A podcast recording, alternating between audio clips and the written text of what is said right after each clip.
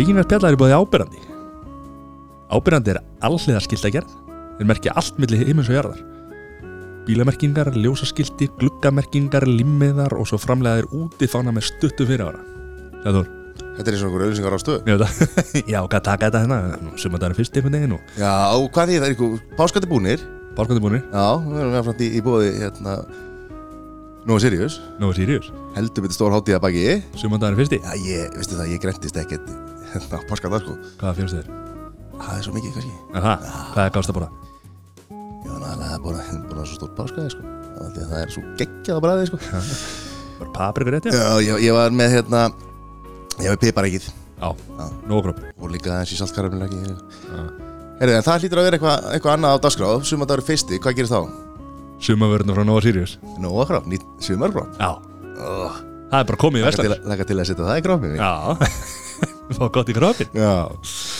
Lakrís, Lakrís, já, sturla sko. já Og alveg, sko, ég elska pipar sko En fínt að það var ekki pipar. Nei. Það er þetta búið, það er, það er til. Þetta er Pip og Pop sant? Já, Kekja. pipar poppið maður.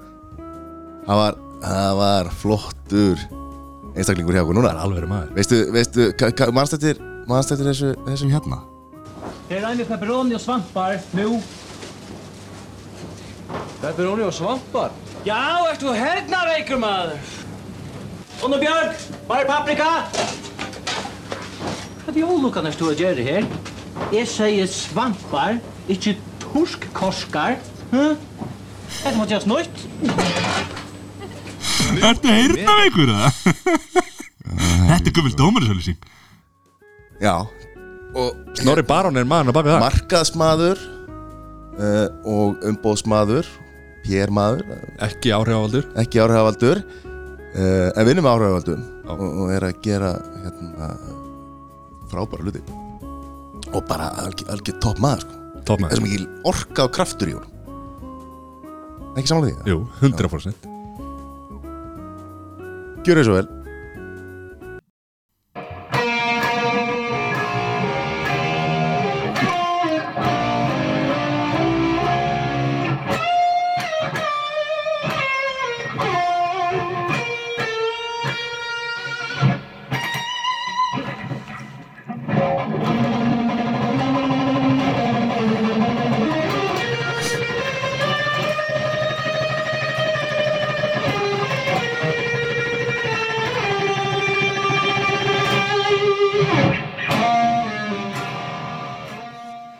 Heyrðum þarna við þarna uh, útgáfu af íslenska þjóðsögnum. Var þetta ekki hérna á Magni í móti sól eða?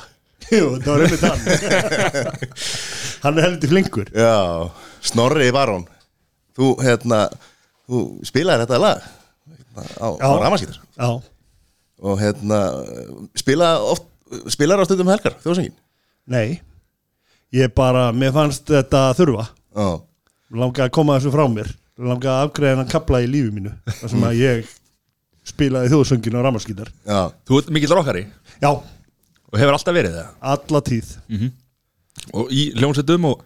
Já, ekki lengur, það er bara maður verður að velja að hafna í þessu lífi hvað maður setur fókusin á. Já. en hérna ef ég hefði allan heimsins tíma þá væri ég í hljómsveit líka. Já, Já, ok. þetta gefur mikið. Já, já, svona útrás og Já, og bara það, já, það, það að spila þetta er að deyja sko það er núna bara, ringir í næsta pródusent og, og lætur autotjóna því í drasl og svo er það bara komið í útvarpið Já. það, það að spila með einhverjum það að skapa eitthvað með einhverjum þegar vel tekst til og, og menn eru á, á sömu línu og, og ná að skapa eitthvað, það er magic sko. Já. það er eitthvað sem að, sem að gerist allt og sjaldan menn er ekkert í skítuðum bílskúrum lengur, þetta er alltaf eitthvað svo, eitthvað svo fínt og hérna, flott stúdíó og bara, og bara það er, ég ætla ekki að fara að gaggrina það megnið að tónlistinni sem ég hlust á er búin til þannig í dag líka sko, en hitt er eitthvað sem að verður samt, má ekki deyja út það má ekki detta út að fólk verði flinkt á hljóðfæri og æfi sig og æfi sig og finni sig en einhverja aðra á sömu línu og, og, og fara út í bílskur að gera eitthvað. Já. því að það bara mun vanta eitthvað þetta er eins og bíflugurna deyja. Þá þurrkustu bara út Já. smám saman. Þe- þetta þarf að vera í keðjunni til þess að þetta virki allt saman. Já. bílskurbönd og við eigum hérna, alltaf góða tónlistamenn sem eru að gera gott erlendis og þá kannski sérstaklega kannski Kalli og núna eða ekki sem er svona alveg risa band Kaleo eru á sko svona á annari vekkferð heldur en þetta hefðbundna álfa výrnes sem að Ísland hefur gert því að Kaleo er svolítið bara eins og coverhljómsveit sem spilar lög sem þú hefur aldrei heyrt. Já. þeir eru bara svona ameríst rockband með smá svona country tvangi og þess vegna er svona, það er til svo mikið af svona hljómsveitum, þess vegna er alveg með ólíkendum að Kaleo hafi mikað þeir eru með gullfallegan frontmann og það er eitthvað sem virkar þarna. Uh, en þeir fara inn í rosalega mettaðan markað á meðan Sigurós er bara eina hljómsveitin sem hljómar eins og Sigurós er Sigurós Er þeir ekki smá lagiðu núna? eða? Jú, það er eitthvað smá vesen á þeim Þú voru ekki að spila, þú voru ekki að spila í hérastum í Reykjavíkur að eitthvað í dag Akkurat, en þeir hljóta þeir hljóta að rífa sig upp úr því Já, en hérna, hvaðan kemur nafnið, bara? það er svo ómerkileg saga að það valla tekur því að segja hann en hún tengist allavega hljómsveitum og, og spilir í ég var ekki í, í fiknirflega innflutningi eða eða neinu slíku Ég er ekki sem í. gæti svona rætt stóðum undir þetta nafn. Þannig að ég hef ekki að leifa þessu nafni bara að vera einhver mystería Já. og, og hérna að hver, hver og einn megi bara eiga sína útgáð að því hvernig það var til. Allt, allt nema, nema fyrir nefna innflutningur. Já, já, og ef einhver vill það þá er örglega einhverjum sem að snoppa fyrir því. Finnst ég enda flottari fyrir vikið. Ok, hvað hérna auðlýsinga margarinn og hvað hérna, hvernig byrjaður á hérna, já bara fyrsta vinna en hvað hérna? Fyrsta fara- vinnan mín uh, Málningavinna. Ok, 13 ára held ég. Þar áður í, í skorpum í sveit.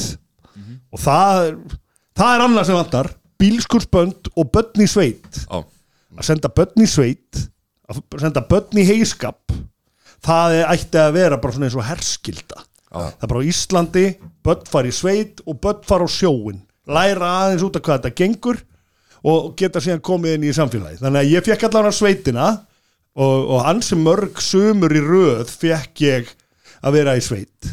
En þetta er alveg hægt núna ekki? Þetta er barnavendamál dag held ég Ég held það, ég held það en ég meina ég á tvo sinni og ég myndi svo vilja koma þeim í sveit bara að þeir fái smá smjörð þegar að líkamlegum átökum á, á jákvæðasta mögulega hátt. Að taka bakka og hendunum upp á vagn það er bara, það er lífið. En það er Ég fæ bara svona gutti feeling af því að hugsa um það núna. Nú er þetta allt komið í rullur Já. sem eru ömulegt að þú tekur ekkert rullu nema og sett Hafþór Július sem er myndir reynda langa til að sjá hann stapla rullum á vagn. Það var ekki eða sko. Það verður kannski að World Strongest Man kemur hingað. En það var að fyr- fyrstu, fyr- það fyrsta verklega sem ég fekk að gera var að vera í sveit. Svo fór ég í málingavinnu svo vann ég í skórækt uh, svo gerði ég bara allan andskotan Uh, þannig að, þetta er hérna heima ég flytt til Bandaríkjana 15 ára gamall var í high school þar uh, var í þrjú ár bjó í, í Kaliforníu, í San Diego í Kaliforníu. Uh, kem síðan aftur heim þá búin að hvernig var að vera 15 ára þar maður? það var æðislegt. Er það ekki? Jú, Ströndin? Ströndin, ég bjó bara mjög nálægt henni. Og, og ströndin og high school maður. Og allt sem því fylgir.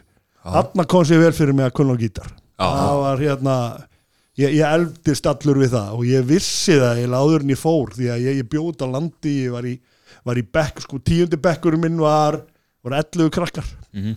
sem voru bara árgangurinn eins og hann lagði sig Já. í heimaðustaskóla síðan bara vinni í skórætti yfir sumarið og svo flytja bara í 30 miljón manna borg og fara í skóla sem var ég veit ekki hvað voru mörg þúsund krakkar í skólanum mínum, ég var í ógeðslega stórum skóla. Á þínum aldri? Á mínum aldri. Og high school er sko hvað er það, það er tíundi bekkur og fyrstu þrjú árin í mentaskóla sem að maður tekur í high school. Og ég náði ekki að klára það því að ég, ég, ég þurfti að flytja heim árið fyrir senior árið sem að hefði verið sko loka árið þar. Já, já, en þetta var æðislu tími, það er eiginlega ekkert hérna það, það, ég dreg rosalega margt af því hvað maður ég er í dag af því að hafa búið í Amerikunum þarna og svona á mótandi tímapunkti að fá að vera í Kaliforníu og fatta bara hvað heimurinn er stór og hvað það er mikið að möguleikum ef maður bara leggur það á sig. Það er algjörlega krúsjál sko. Þetta hjálpaði bara gegnum þá lífið eftir á á þess að fattir það kannski þá. Ég, ég náttúrulega lærði líka að hérna reykja gras og, og, og með því og meira þar sko.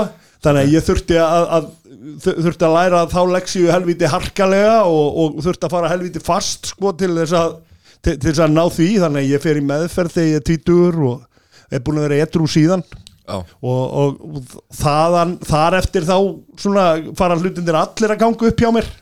Ok. Fyrir einn og einasti. Já. þegar maður á allt í einu 95% meira tíma til að gera eitthvað annað heldur en maður hafiði þá hérna, þá er þetta komið ímsu í verk. Já, og þá var maður ekki þunnur og vitlaus daginn eftir og, Nei, og hérna og bara fullur af orku og vantaði eitthvað til að stimulera mig vantaði eitthvað til þess að keira þetta áfram því að bara vélinn var alveg þaninn sko. hún þurfti bara að fá eitthvað til þess að- milja Og hvað fórstu að gera? Tvítugur? ég fór fljótlega eftir fljótlega eftir að það, það rennur að mér þá uh, skráði ég mig á námskeið í hitthúsið er hitthúsið ennþá til?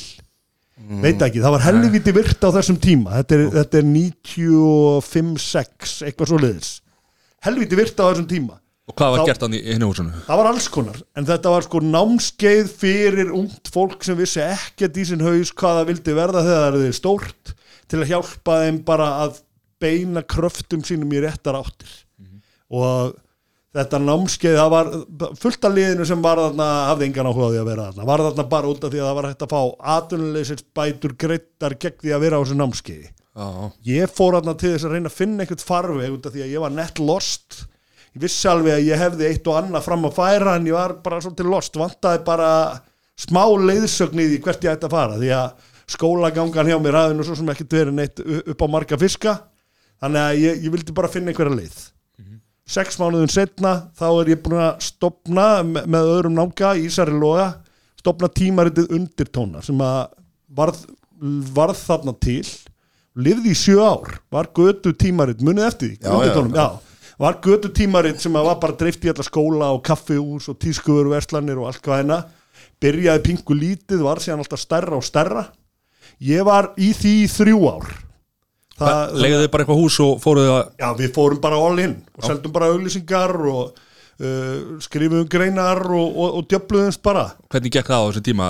Óþekktir menn kannski að, að hérna. Það var bara eins og svo margt á Íslandi getur maður verið tilturlega fljótur að sanna það að maður sé ekki að sér og, og þá getur maður fengið, þá fær maður trúveruleikan þaðan. Þetta er hvergi annar staðar í heiminu svona, maður á að vera sæmilega þakkláttur fyrir að vera á Íslandi þar sem maður getur verið helviti fljótur ef maður bara trúir á það sem maður er að gera að fá tækifærið og grípa. Það. Auðvitað var þetta ógislega erfitt, auðvitað þurftu að vinna ógislega mikið og, og stundum bara ekkert sofið sólaringunum saman út af því að það var að vera að safninu auglýsingum, setja upp blaðið, skrifa allar greinarnar og allt hvað hérna. En djúl, svakalega var þetta gaman samt, sko. Og þið skrifuðu greinina sjálfur Já, svo bara hefur þetta náttúrulega bara þannig áhrif að fólk fer að gefa sig á tal við okkur. Fólki langar að vera með og, og út af því að þetta hefnaðist það vel allt í hennu voru einhverju ljósmyndar að byrja að banka upp á og segja, heyrðu, við erum tilbúin að taka myndir frítt ef við bara fáum nafnið okkar við myndina. Og fólk sem vildi vera að skrifa greinar allar hljómsveitirnar voru farnar að hafa samband að fyrir að bara, hei, getum við fengið forsíðuna og, og svona. Þetta hafði bara margvöldunar áhrif. Og allt í hennu voru bara Björk Guðmundsdóttir og aðrir bara líka farin að, að- gefa kost á sér í viðtöl við okkur. Var ekkert vildi kannski ekki tala við neitt annan. Já. Út af því að við vorum í grasarótinni við vorum ekki feimnir við að, að drulli við hluti ef þeir voru drastl og svona sko. Og ferskir. já, höfðum alveg smá trúirðuleika þó við værum bara ungir og að finna út úr þessu en bara ég held að undirtóna, það er margir sem sakna undirtóna en það dag í dag bara út af því hvernig það var. Og það, það var alveg einstakt og verður til út af því að ég og Ísar eins ólíkir karakterir eins og hægt var. Ég var rockmegin, hann var danstónlistamegin og svona einhvern veginn var þetta að einhverju samkrulli og svo bara fyrir við að fjallum allt hitt líka, bíómyndir og tísku og allt hvað einn og það var bara fólk sem hafði áhuga og vita því sem að bættist í hópin Bara kemistrija sem gæti ekki klikað Já, það var svolítið þannig. Þó svo að við hefum kannski ekki alltaf verið sammála eða, eða það hefur ekki alltaf ríkt friður en þá, þá var svona heildar útkoman var, það var eitthvað magna við það og við erum alveg góðir í dag sko. Ég sel mig út úr þessu þremur árum setna þá var ég komið með svona langarni til þess að gera eitthvað aðeins öðruvísi. Uh, fór í hjónaband með morgumblaðinu uh, sem að var langt í frá að vera farsælt eins og sem hjónamöndi Já, það var bara þá hafði mokkin áhuga á því að snerta á þessum hópi. Og ég hafði áhuga á því að losna út úr þessu og, og sá kannski fyrir mér að maður geti fengið aðeins meira borgað ef maður væri þeim megin og það væri meiri tækifæri. Þannig að við störtuðum þarna sérblaði sem fylgdi með mokkanum sem hétt 24-7 og var, já, 24-7 var svolítið konseptið að það kom út vikulega og, og fjallaði bara um hvað var í gangi í bænum og, og hvað var það helsta. Ég meina eiga það mokkinu, þeir eru alltaf verið duglegir að vera með svona, reyna að vera á Já, reyna að vera á Já. og stundum hefur það tekist en þarna tókst það ekki. Og þarna var líka bara, það voru fjóri rittstjórar og meðalaldur þeirra var 98 ára og bara þeim líkaði bara ekki ritthátturinn Já. Bara orðavalið okkar og, og er ekki- slettur og, og svona sko. Ekki sönn íslenska. Já, bara, þeir, þeir bara hötuðu þetta og þeir, þeir hötuðu allar myndir sem að voru teknar í þetta og já, bara svona genuinely hötuðu allt við þetta. Já. út af því að þeir bara skildu ekki að þetta var taktur unga fólksins. Fengu þið samt yfir til þess að gera þetta en voru ekki til í að Já. fara í Já, vildu síðan bara breyta því sem við vorum að gera yfir í sinn hátt sem hefði bara aldrei virkað og, og, og, og aldrei orðið neinu, að neinu gagni sko. Þú hefur, þú hefur hérna Þú hefur skrifað og var skrifaðir í orðlaus eða ekki, var ekki penni þar? Já, einhverjir Einhver- pistlar sko.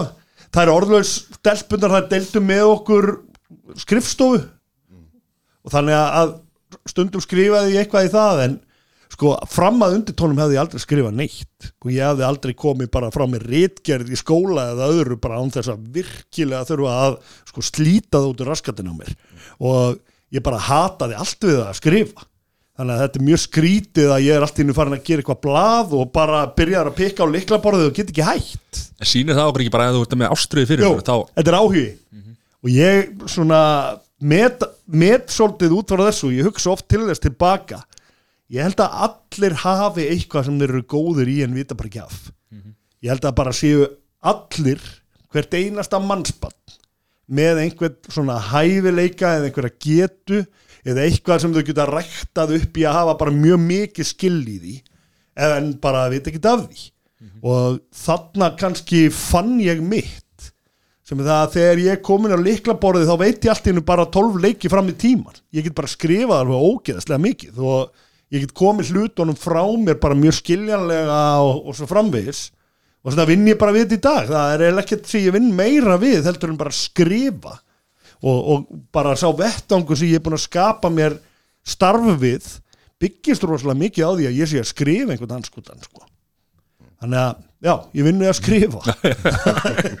Það er svolítið staða eitthvað sem þú þoldir ekki í, já, í skóla eitthvað sem ég vissi ekki að myndi nokkuð tíman passa við mig.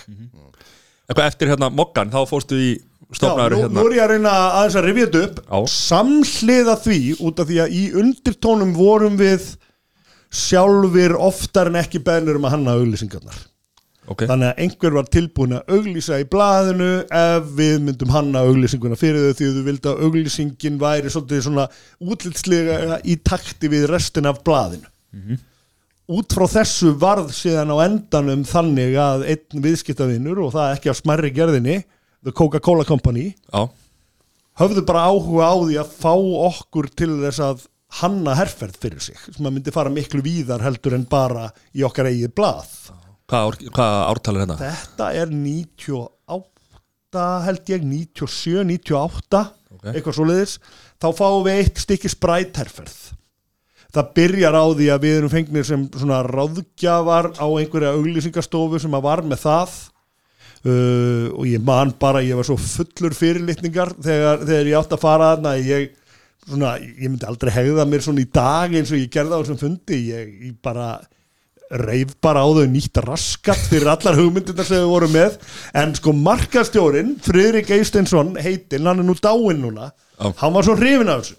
Hún var orðið hann, hann, hann, það var ekkert sem að hann hafði meiri óbeit á heldur en fólk sem segir ekki hugsin fólk sem þegir og fer í eitthvað miðjum og segir bara ekki skoðanir sínar alltaf sammála um. Já, sammála næsta eða alltaf mildandi tónin í röddinu sinni sko. þannig að eftir hennan fund var hann alveg bara ríkalega ánæður og ég fann það alveg það var búið að vara mig við því að þessi gæi væri sko harður í hotna taka. Þetta væri, væri einn bara einn mesti fanturinn í markarsbransunum en hann elskaði þetta. Þeir skilja bara hann- þetta skildan og hérna úr varð bara verkefni kom til okkar og þá bara næsta köllun í lífinu bara kom, kom þarna yfir mig. Bara, heyrðu, kannski á ég að vera að gera þetta. Kannski er, já, þetta lá helviti vel fyrir mér líka að fá einhverjar hugmyndir finna út framleiðslu farvegin uh, tengja saman fólk draga að borðinu eitthvað fólk sem getur unni með mann í þessu og, og klára verkefni.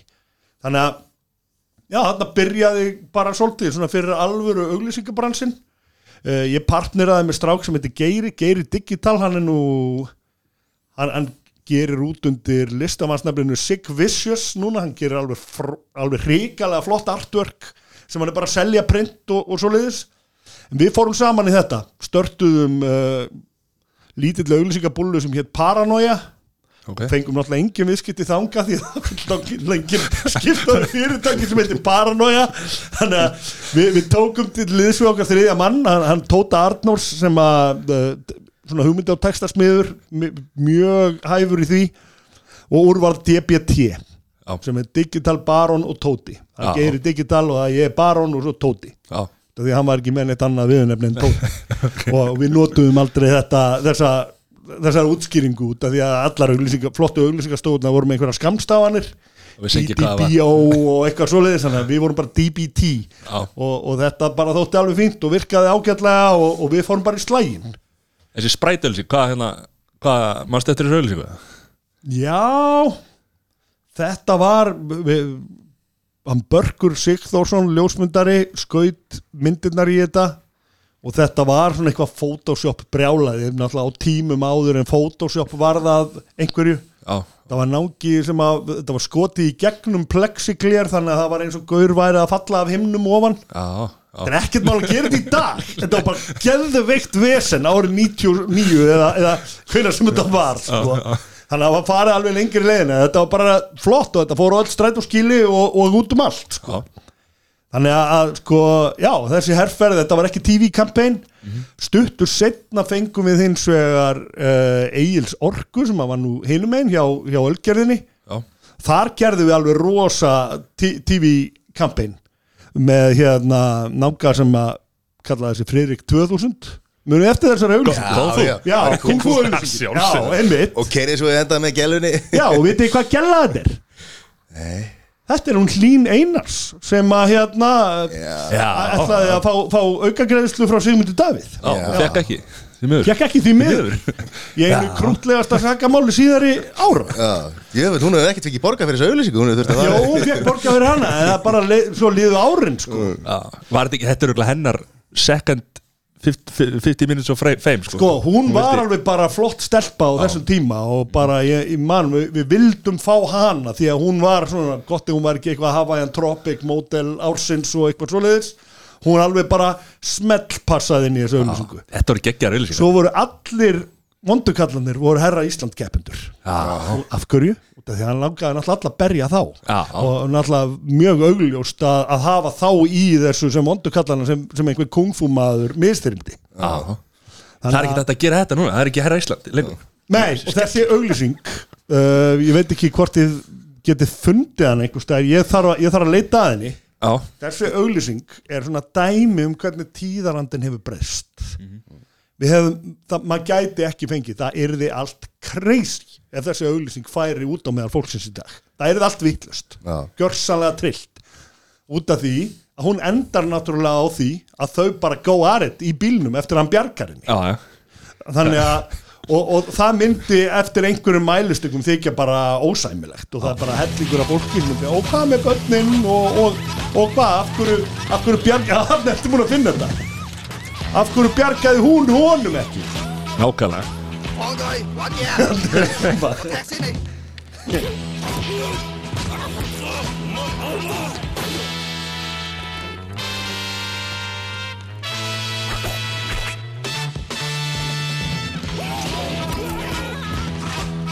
Eru flottir þessi strákar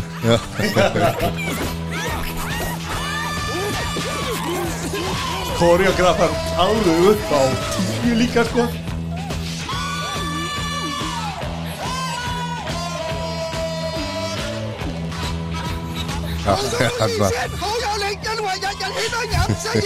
X-orka Já, og síðan sko endaskildið við vildum hafa þetta náttúrulega authentic. Þannig að við fórum og fundum uppvaskaran í Kínahofinu á Nýbilavegi Já, fengum hann til að garga inn textan yfir ég, ég man ekki hvað þetta var. Þetta var eitthvað eigils orka bla bla bla bla bla bla eitthvað rosa skilabóð á kynvesku sko.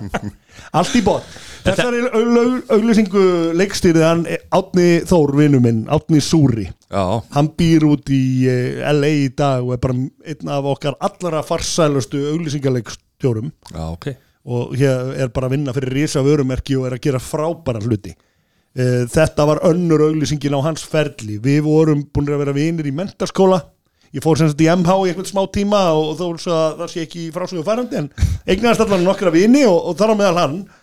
Það er að skipta máli já, já, í skóla. Okkur, og, og okkur langaði að vinna þetta saman. Þetta Friðrik 2000 var bara spottaður á Kaffi Thomsen á djamminu það geiri digital sá hann þarna og bara, heyrðu, ég er búin að finna hann gaur ég er með símanúmerið hans, við, við þurfum að fá hann í eitthvað, Já. veit ekki hvað það er en við verðum bara að nota hann í eitthvað. Setja afró á hann og þetta er afráðin, já, það lítur svona út. Það var trikkið, sko. Já. þetta er bara hárið á gaurnu, ég veit ekki hvort það lítur svona út í dag. Nei.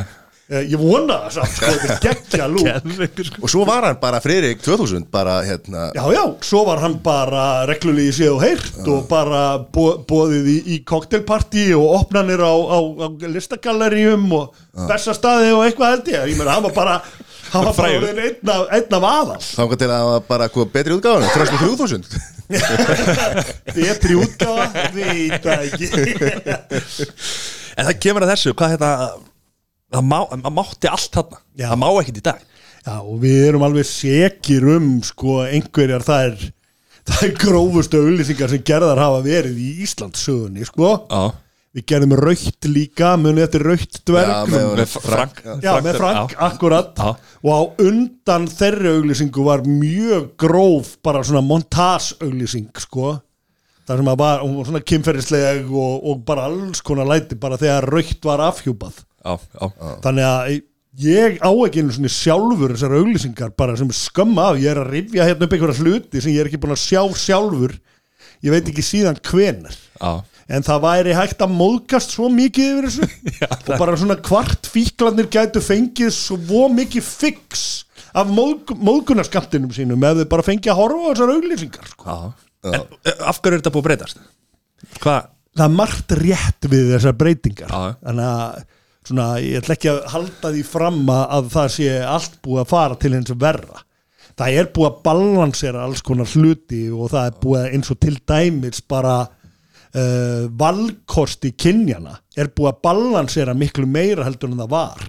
Að þú hefur miklu meiri uh, samfélagslegan stuðning til að vera whoever the fuck you want to be heldur en áður. Já, og það er að finna góða en svo er náttúrulega bölvuð aumingjavæðing í gangi líka og það er verið að gera aðilum sem að höfðu ekki rödd af augljósum ástæðum höfðu ekki rödd út þetta er bara leiðilegt fólk sem að er bara neikvætt og leiðilegt og sér alltaf svörtustu mögulegu hlutina.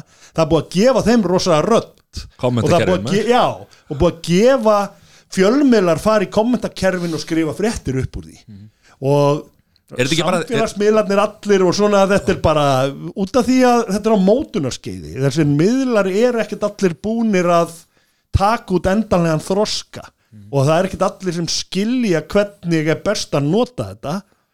Og ef þú móðgast nú anskoti mikið yfir einhverju sem að er, uh, er, er svona tísku topic þá getur þú bara fengið svo mikið að lækum út af það. Já, og þá er það orðið, fólk bara hendir í brjála móðgunar færslu alveg ógeðslega móka út í einhvern einstakling sem sagði eitthvað eða gerði eitthvað.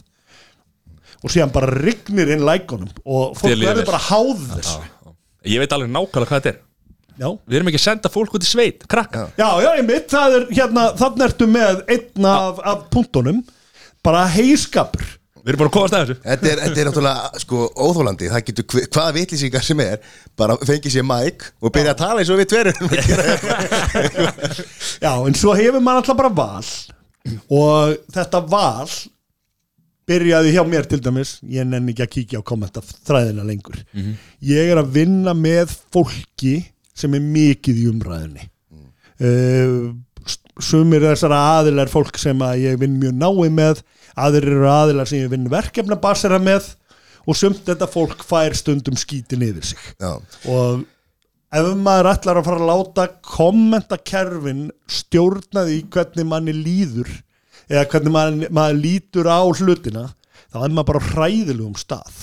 Já, maður má ekki láta þetta svo stjórna er sér, líka bara, það er veikt fólk að tjá sig og það er fólk undir áhrifum alls konar efna að tjá sig og stundum eru sverustu ummælinn skrifuð af fólki sem er bara búið að fá sér allt og marga drikki og vakna síðan morgunin eftir og bara, fokk, hvað var ég að skrifa þannig að maður á ekkert að vera að taka barka á þessu Nei, nei, nei. En það sem að þú ert nú áhrifavaldur áhrifavaldana er ég það? Er það ekki? en hvað, hvað stendur á náspjaldinu? Hvað ertu? Hvað, st- stendur eitthvað ég á rosalega erfitt með að, að svona skilgreina hvað ég geri því að það er svo margt ég er, ég er markasmaður uh, ég þróaðist yfir í það að vera umbóðsmaður og er síðan bara í öllu því sem er dettur í huga að taka mig fyrir hendur þá stundina. En eins ég er við, frjáls, það er eitt að vera það sem stendur á spjaldinu mín við tölum gera það um sem er sínist þessir áhrifavaldar sem þú ert að að vinna með. Já, og hérna til dæmis bara eins og Það er alltaf meira íþróttafólk þetta, eru, þetta, eru, þetta eru fólk sem eru áhrifavaldara þegar þeir eru að gera hérna, út af atvinnu sinni sem eru Yes. íþróttirnar Yes. og fá svo mikla hérna, umfjöllun út á því Já. en hvað finnst þér um það á, svo áhrifavaldar sem að búa sér til skilur Já. þú veist bara allir þessi, allt þetta Snapchat og, og, og það, hvað hver er svona skoðun þín á, á, á svona já sjálfskapandi áhrifavaldum ég væri mjög ósamkvæmur sjálfum mér ef ég færi að drulla yfir alla snappara hérna núna út af því ég hugsa að ég hefði gert alveg harða alluga að því að verða snappari. Ef þetta hefði komið bara 20 árum fyrr. Þá hefði ég litið á þetta sem tæki og tóli til að koma mér inn í umræðuna búa mig til tekjumótel og koma mér í þá aðstæðu aðstöðu að vera farin að hafa einhverja stjórn á atbyrrarásinu og geta gert eitthvað sem ég hef gaman að því að gera. Uh, mér finnst þetta geta allt skemmtilegt. Og það sem ég sækist bara alltaf í er hæfileikar bara ef það er einhverjir hæfileikar ef það er einhver x-faktor þarna ef þetta er einstaklingur sem að hefur eitthvað fram að færa getur sagt hlutina skemmtilega getur gert þetta skemmtilega þá er ég bara all for it. Sko snapparar eru bara búið til afþreyingu.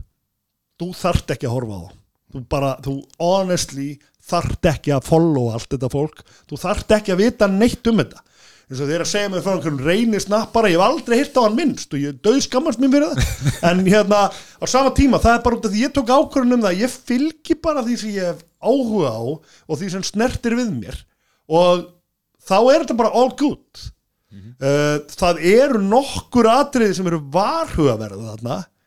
Uh, til dæmis fólk sem að er orðið háðví að sína alltaf því allan líkama sinn til þess að fá til að njóta aðtegli og er orðin uppi skroppa með hug, aðrar hugmyndir. Matti, þetta er til þín Nei, þetta er svona Ég kefti með ef, við, ef maður horfir aðeins honni í mengið út af því að sumt að þessu liði bara er að lega mann að fylgjast með sér í gegnum daginn sinn og þau eru bara brasa fullt skemmtilegt og svona.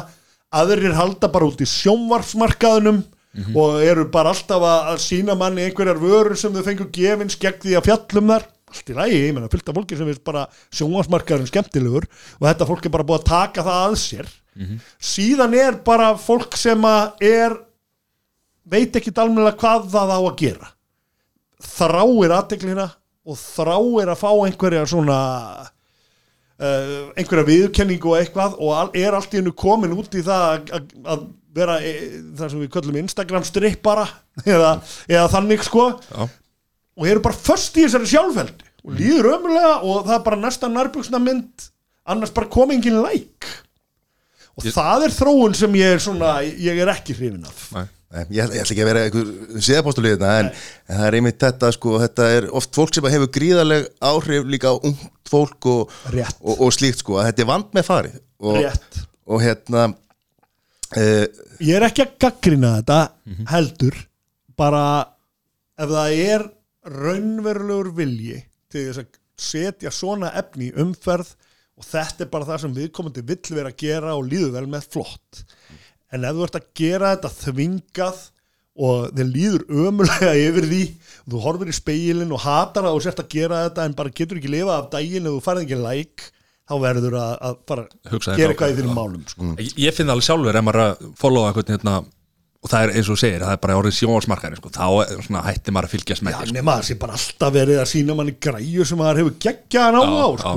og, og eins og þetta varði, ég menna finnst Solrún Diego, ég þekki hann ekki neitt ég tek það fram, ég hef aldrei hitt þessa stelpu uh, ég tók tók mér bara til og fylgdist með henni í svolítið tíma, mér finnst hún bara að vera að gera þetta ógeðslega vel, Mhm. bara ógeðslega vel hún bara allir rammar voru upp á tíu þetta er, þetta er huggulega stelpa, hún hafði góða framsögu og held sig bara alltaf inn á toppikinu sem hún var að fjallum og bara gott ef ég er ekki bara farin að nota etik þegar ég þrýf og eitthvað en, en skilur hún held sig algjörlega on topic. Og þetta á bara alveg rétt á sér. Já, hún er bara halda einhverju gangandi og þetta er bara sjónvastáttur sem hún heldur úti um það að þrýfa og að vera hún. Já. og bara flott hjá henni. Uh, á móti hverri Solrunu Diego eru svona hundra sem vita ekkert alveg hvað það eiga að gera eða þeir eiga að gera. Og eru bara að gera eitthvað. Og það er allt í lagi en ekki gera ráð fyrir því að, ver, að verði brjálaðar vinsaldir út af það. Það er ekki hægt að gera ráð fyrir því.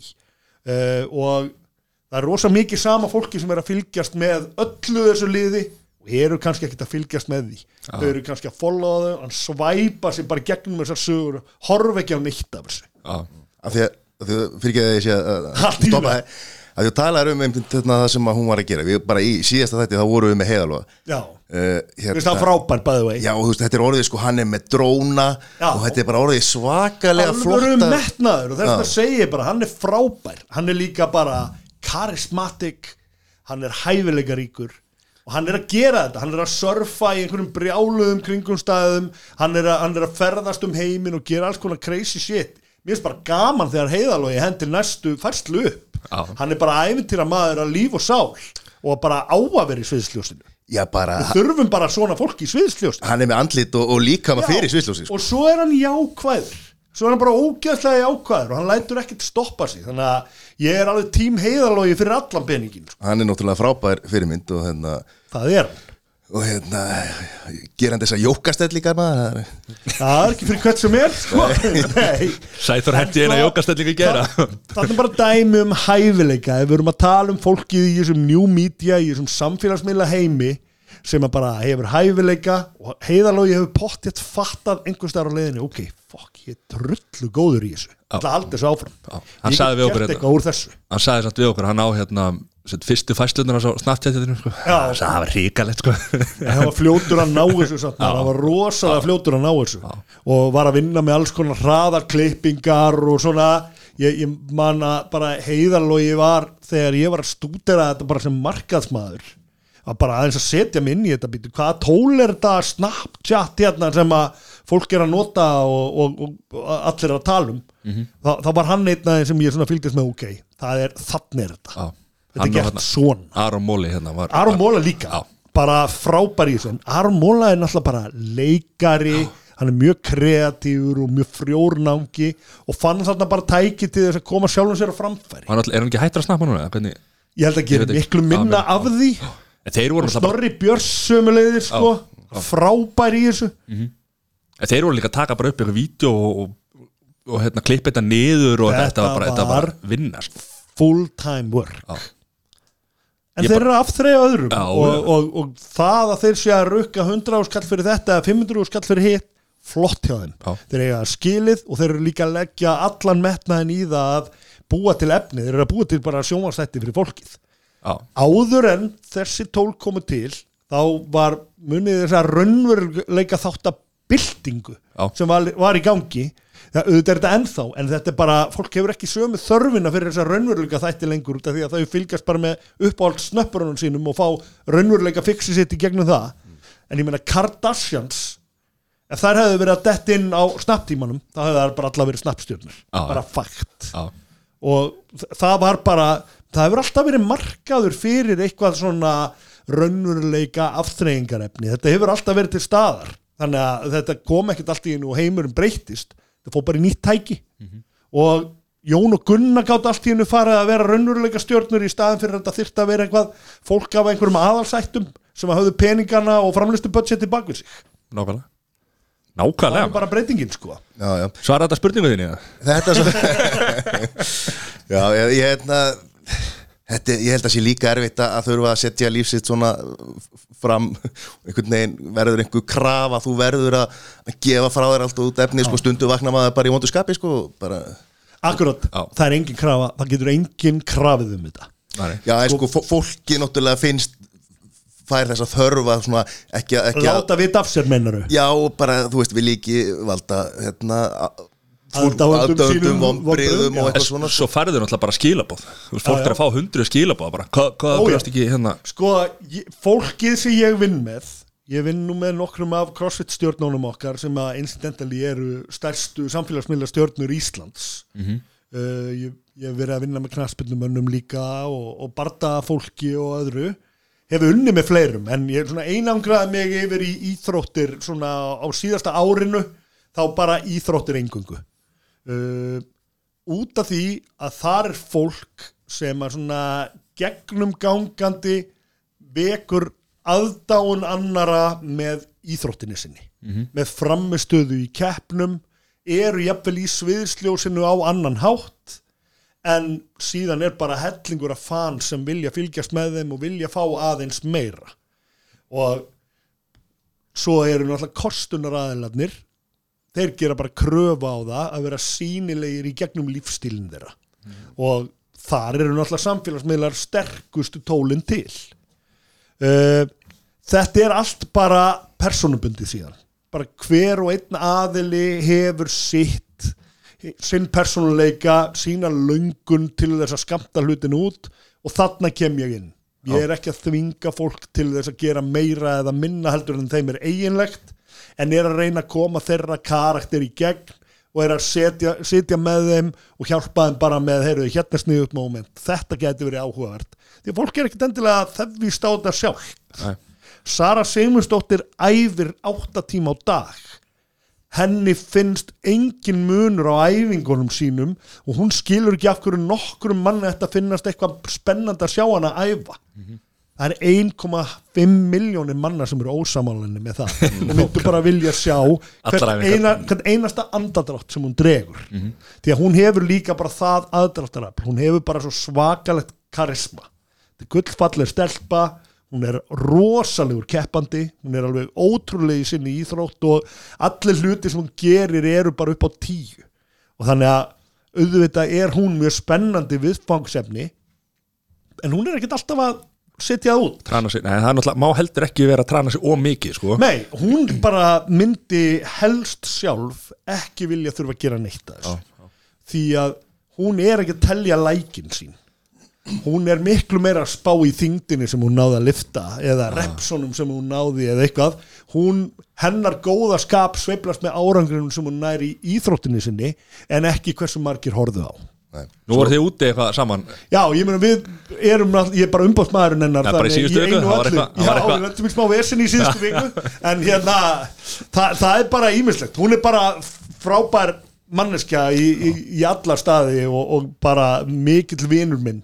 Og, og við erum búin að vinna saman í núna að verða á þriðja ár og það eru margir hluti búin að gerast. Hún, hún bæði búin að gangi í gegnum mikla sigra og, og líka meðsli og, og, og leiðindi og allt þar á milli sko. Og hún er bara einhver svo almagnaðasta manneski sem ég þekki sko. Uh, við vorum lentum náttúrulega bara í því að það var óveður hérna og, og Smá vindur það var smá vindur.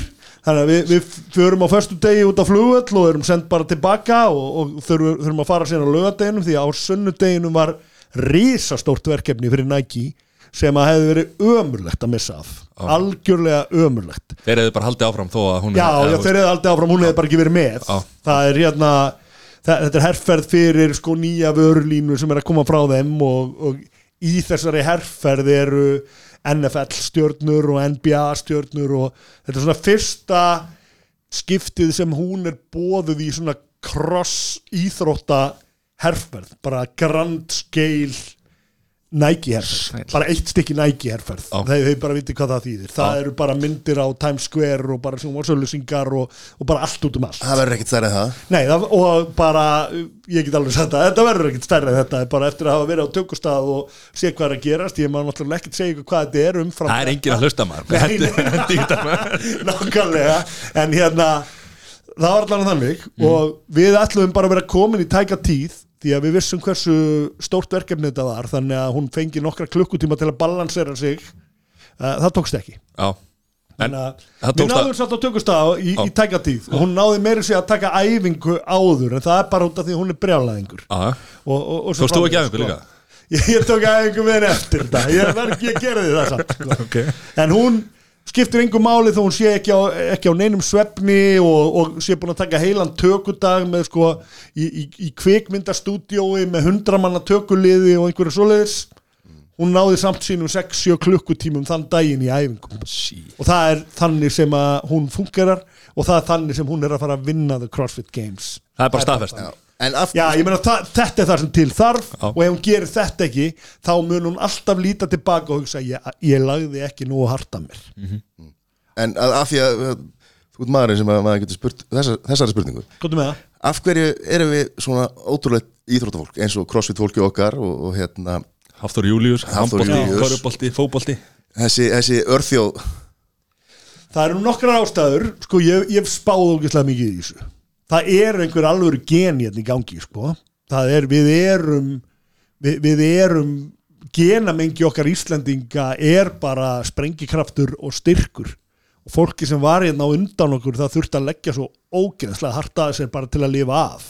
Því að það er ef við tökum frá rafmagn og heitt vatn og sæmilega þétt hús og, og annað sem að ekkert af þessu fólki hérna áður þau voru bara með kert og spil og bara sögðagerur þau þurftu bara að leggja svo geðveikislega hart að sér bara til að lifa af. Og ég man bara sögu af afa mínum sem var prestur á, á súandafyrði fyrir vestan. Hann var prestur fyrir allt héraðið. Og ef eitthvað gerðist þá var alltaf presturinn sem þurfti að díla við. Það ef einhver dó einhver staðar í næsta fyrði hann þurfti bara að drullast til þess að lappa yfir fjallið og fara þangað og hugga liðið og, og, og fara með guðsorðið og, og, róa alla því að það var bara hans virkni svo þurfti hann bara að lappa yfir fjallið aftur tilbaka. Og það var ekkert rafmagn og ekki neitt. Og það er ekki eins og hann hafi verið með einhverja gönguskó eða eitthvað annað, menn voru bara að retta sér. Og þetta er bara það er bara kannski 50 ár síðan þetta var eða eitthvað svoleiðis. Getið ímyndað ykkur hvernig þetta var 1800 eða eitthvað Ég þekki þetta alveg, það eru hólurnar á vögurum þetta, það er að keira þetta Já, já. en ég meina ég held að grunnurinn er Íslendingar er bara harduglegt og grjóthart fólk. Þannig að genin okkar og genamengi okkar á þetta alveg í sér. Svo erum við bara mentally svo rétt stilt að við trúum því að við getum. Og það er enginn búin að lemja okkur niður og segja okkur að við getum ekki við erum ekki forrituð til þess að, ver, til þess að og, hlýða bara og, og ney okkur. Eins og í mörgum starri samfélögum þar sem að lag, lagskiptingin er bara þannig að þú fæðist bara inn í eitthvað hlutverk og þú bara stökk í þessu hlutverki þar sem eftir er. Og leifið þér aldrei að dreyma leifið þér þar leiðandi aldrei að íta þér þangað sem að þú þarft að íta þér. Hérna, við bara trúum því að við séum best í heimi. Já, Þorskastrið Já, við unnum það. Við fokkin unnum Við það. Höfum aldrei tapað stríði. Nei, við erum hérna Við erum bara svolítið einstök hvað þetta varðar út af því að hugurinn hefur svo mikið með þetta að segja. Og þá er svo auðvelt að mótivera sig. Svo ef ég vitna bara í hann Björgvin Karl Crossfittara hann bara, við erum bara hérna í myrkri og kulda. Uh, Gimmið verður bara svolítið staðunum þar sem að maður fær bara sólskinnið og félagskapinn og endorfín flæðið og allt hvað hana það. Er engin distraction, það er engin strönd. Það er ekkert hérna það er ekkert garden party einhver stað sem að maður er að missa af. Það er bara hagl og rók og það er bara, þá fer maður bara í gimmið og bara tekur ríkala á því og fær bara velíðan en að þar. Það hefur ekkert stoppað heiðalóða sko. Þegar koma, kemur lægi þá er hann þá er hann farin bara reynir hann er fjör líka bara búin að búa sér til alveg flottan business úr því. Er þetta crossfit? Hvað er hérna hvað hva er anskotanum með það? nákvæmlega? Nei, menn allt í einu bara, þetta er bara 6,5 miljón manna að stunda þetta. Já, 2% Íslandinga stunda crossfit. Já, hinn 98% viti ekki hvað þetta er. Nei. Þannig Þetta að er, þetta er, þetta er, þetta er einhver þetta er bara köld. Já, en þetta er ógeðslega jákvætt af öllu leitinu til að sko, ástæðan fyrir velgengni crossfit er nummer eitt að geta allir gert þetta auðvitað er fólk sem hefur íþróttalega yfirburði sem verður betra heldur en hinir í þessu en það geta allir gert þetta. Þú getur mætt á crossfit-dæfingu og þú bara svitnar vel og reynir bara á þig upp að þeim punkti sem þú ræður við að reyna á þig svo ferðu heim og þið líður bara hrikalega vel. Þannig að það var búið bara til prógram sem að virkar fyrir alla og er hugsað til að stuðlað heilsu jarðarbúa. Og það hefur gengið eftir það sem að var kannski ekki hægt að sjá fyrir í þessu var það að þetta yrði svona mikil lífstílsmótun.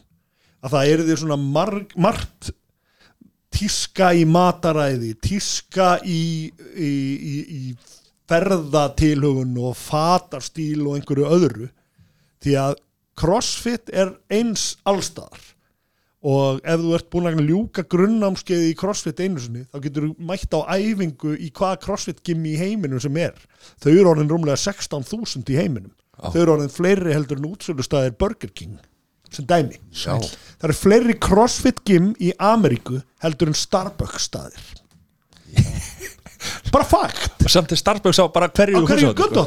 já, þetta er bara dreifist svona meira yfir útkverfin og svo leiðis, því að Starbucks er aðalega bara á, á fjölförnusvæðunum en þetta er bara staðan, þetta er bara Mhm. Þetta er- fenóminum. þetta er bara brjálað fenóminum og við Íslendingar erum best í heimi í þessu. Mhm.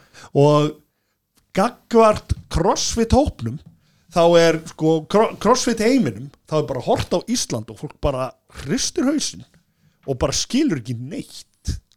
Það, það er bara þannig því að það eru svo margir ógeðslega góðir crossfitarar við hefum dæturna þrjár sem er alla topp 10 við hefum Björgvin sem er á topp 5 við eigum síðan næstu línu af crossfiturum sko á topp 100 eigum við bara alveg endalust af fólki. Já, ok. topp 1000 bara eða allir sem æfa crossfit á Íslandi er á topp 1000 Já. liggur við sko. Þannig að við erum bara þetta er bara íþrótt sem á fáránlega vel við okkur. Og það er það sem gerir þess að íþrótt er samsetningin þau breyta þessu í leik. Og- þetta, þetta er bara leikfimi æfingarnar sem að þekkti þær í grunnskólanum nema bara búið að gera þær ógeðslega skemmtilegar. Já, bara aparólan og það er allavega, þetta eru liftingar þetta eru fimmleika æfingar, þetta eru alls konar bodyweight æfingar og klifur upp kaðalinn og standa á höndum og, og er einhver hlaup og, og einhver djúlgangur líka. En þetta er bara sett alltaf eða þeir nota orðið prógrammerað þetta er prógrammerað á svo skemmtilegan hátt. Já, og, og öllu því að þakka hvernig við liðum hérna fyrirbýðu svarið var hérna einhvern veginn að það voru allir skildir og, og allir með öllum einhvern veginn. Var það ekki svarið? Jú, þannig eru þetta góðu gen.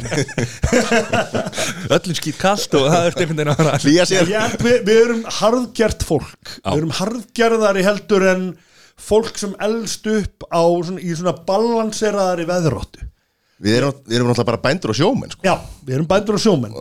Og hérna en á hjara veraldar. Já, það er bara, það er bara auðveldar að vaks úr grasi í Danmörku heldur en á Íslandi.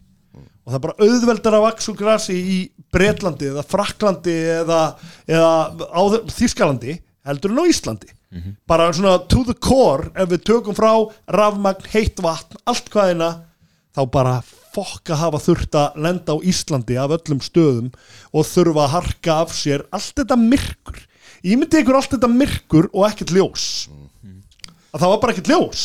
Þú áttir ekki einu svona kerti. Nei. þú varst bara inn í einhverju sauðagæru skjálfandi úr kulda og svo fóst út og gafst skeppnánu þínum að borða og reddaði vatnu og reddaði þessu og reddaði hinu. Fiskaði einhvern fisk helst á alls konar drastli og þú náðir samt að koma fjölskylduninni áfram. Og allir höfðu sitt hlutverk, börnin unnu, þú vannst, konan vann, allir hjálpuðu stað við að lifa þetta helviti af. Og úr þessu urðum við til En, Besta landi heimi. Já, en hvernig, hvernig mun þetta þróast að þegar núna sko, nú er maður rósa mikill auðmikið að það er ramaslaust í klukkutíma, það var brjálar að því maður þarf að laða síman sko. Já, einmitt, eða bara Wi-Fi datt Já. út og Já, já. Munum við, Við erum ekki í góðri þróun. Já, Við hva- erum bara alls ekkert í góðri þróun. Ég er svo sem ekki sérfræðingur í þessu er bara að bulla með raskatinu alveg 100% hérna. Þetta er samt það sem ég trúi sko. Já, Þannig að þróunin leiðir okkur á einhverjar aðra slóðir. Verður það betra að verra? Ég veit það ekki. Og bara ef maður á að fara að spá í alheims ástandinu þá fer örgulega dett í næsta stríð. Þá fer örgulega dett í næstu óöld sko. Út af því að við erum bara búin að hafa það svo gott svo lengi. Þannig að þá þarf maður bara að vita hvernig maður díla við það. Og svo bara endur tekur þetta sig. Það var gott að vera hérna á hjara veraldar, sem enginn vill vera. topnum, á, heiminum hvernig, er að, hvernig er að díla við stórfyrirtæki eins og Nike og svona, er hérna? Nike er alveg í sérflokki. Því að, að þar er bara mjög professional ára og Nike vita bara nákvæmlega hvað þau vilja fá frá íþróttafólkinu og hvað íþróttafólki þarf að fá frá þeim. Þannig að öll að mín samskipti við Nike hafa verið frábæri auðvitað, auðvitað er þetta dílingar samt sko, Já, já. Og, og fyrsta tilbúð er ekkert alltaf að fara að verða það sem er samþygt Mhm. og svona en þetta er bara mjög professional Nike byggu hennar leik svolítið til þannig að, að ég, ég held að, að Nike voru örgla fyrstir til þess að fara svona í alvöru samstarf með íþróttafólki og bara Air Jordan dæmið sem dæmið þar sem þeir bara hoppa á Michael Jordan búa bara til vörulínu með honum sem hann er bara partner í. Og hann er Sturla. bara búin að vera með sko milljarða tekjur á hverju einasta ári og er ennþann dag í dag bara hans royalty af þessu. Þannig að, að það er, það er ábúrslega margt sem að má læra af því hvernig Nike gera hlutina og, og ég, ég á bara virkilega gott samstarfið þá. Það er, það er bara er allt upp á tíu. Sara er þeirra kona nummer eitt í crossfitinu. Þannig að það er bara Sara og það er Matt Fraser sem er tvöfaldur eða þrefaldur heimsmystari núna sem eru þeirra aðal andlit inn í crossfit íþróttina. Þannig að auðvitað, þeir, þeir taka hana mjög alvarlega og, og, og þetta eru samskipti sem að, snúast um stóra hluti. En það er bara mjög, mjög gott að vinna með þeim. En er ekki Reebok set, Reebok á, merki? á enga rétt á því að nota crossfit orðið já, það er svona, crossfit er bara fyrirtæki sem hafa bara stopnað e, í kringum aldamótin og er bara í enga eigu Reebok kemur til að snemma og kaupir sig inn í þetta og það má engin annar nota crossfit orðið á já, og þetta heitir The Reebok CrossFit Games stóra keppnin en það er bara út af því að Reebok er þá aðal sponsorinn á því. En það eru svona bóð og bönn sem að Reebok eru búin að setja sem ég er ekkert sérstaklega hrifin af sko. en þá er bara farið í kringum það. Það er alltaf loophole á öllum málum sko, þá er bara farið í kringum það. Þá kemur snorri og finnur lúppbúlega á því sko. Já, já, eða einhver annar og ég fylgi sko. það er bara það er eins og það er, en crossfit er markaður, crossfit er öðruvís heldur en margar aðrar íþróttir að þeir litinu til að þetta er, það er upp til hópar crossfit yfkendur fólk sem á efni á því að fjárfesti lífstílinum sínum. Og það eru skór og það eru sokkar og það eru compression buksur og það eru bólir og það eru töskur og það eru vassbrúsar og það er einhver, einhver alls konar hlýfðartæki og nutturullur og einhver ramagstæki og fleira, þetta er bara búið að hlaðast upp. Endalust, svo er þetta mataræðið. Ætlar að vera paleo eða ertu vegan eða ertu þetta eða keto eða hitt allt þetta, hvað svo sem það er á sér alltaf mjög ríkar rætur í crossfit menginu. Uh, þannig að það að fara inn á þennan markað vort fyrirtæki í heilsubransanum og langar að fara inn á markað þar sem það er auðvelt að koma orðinu á stjá og ef þú ert með vörur sem hittir í hópin þá eru 6,5 miljón manna undir eins búin að fá vittneskjum þessa vöru og, og vilja eignast hana þannig að crossfit verður svolítið svona markaðsfenómenum líka. Og það er svolítið hín ástæðan fyrir því að ég hef kannski helgað mig svolítið að crossfit meira heldur en kringlukasti. Skiljiði því að það er bara stjörnunar í crossfit eru superstjörnur. Innan crossfit. Utan crossfit veit engin hver þetta er. En, en þarna innan eru þau superstjörnur og þau eru með endalust magna followerum og líka flestar hafa þær trúverðuleika þannig að þú, þú, þú fylgist með einhverju crossfit stjörnu út instantly áhuga samur um hvað er hún að borða? Í hvað skóm er hún? Hvernig gerur hún þetta og hvernig gerur hún hitt? Þannig að vörur bara byrja að seljast. Og fer, byrja bara að seljast ógeðslega hratt þegar rétta manneskja byrjar að mæla með þeim. Og þarna plasir ég mig líka. Því að það er ekkert mál að gera dílin en það að vinna með kostunaraðilanum í það að finna leiðina til þess að láta vörur hreyfast í gegnum aðilan sem þau er að sponsa það er oft meiri galdur. En það er bara, vill svo til að það er bara eitt aðal áhuga máli mitt. Og ég hef svo gaman að því að sjá þessar hluti gerast. Ég met mig út frá því hvað árangur náðist Og þess vegna kalla ég út áhrifaldi Þú ert að vinna með þennan miðil sem er Instagram sem er svo líka svo rosalega nýr og er þróast. Já.